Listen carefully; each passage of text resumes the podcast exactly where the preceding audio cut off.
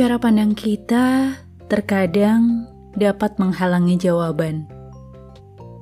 Kita berpikir suatu hal, padahal bukan demikian yang sebenarnya terjadi. Karena kita sudah terpaku dengan cara pandang kita sendiri, tidak membuka diri terhadap sudut pandang atau opsi-opsi lainnya. Pemikiran atau pemahaman kita terbatas. Sudut pandang atau pengalaman orang lain bisa saja membantu. Namun, yang terutama jangan lupa, kita perlu tersambung dengan yang empunya kehidupan.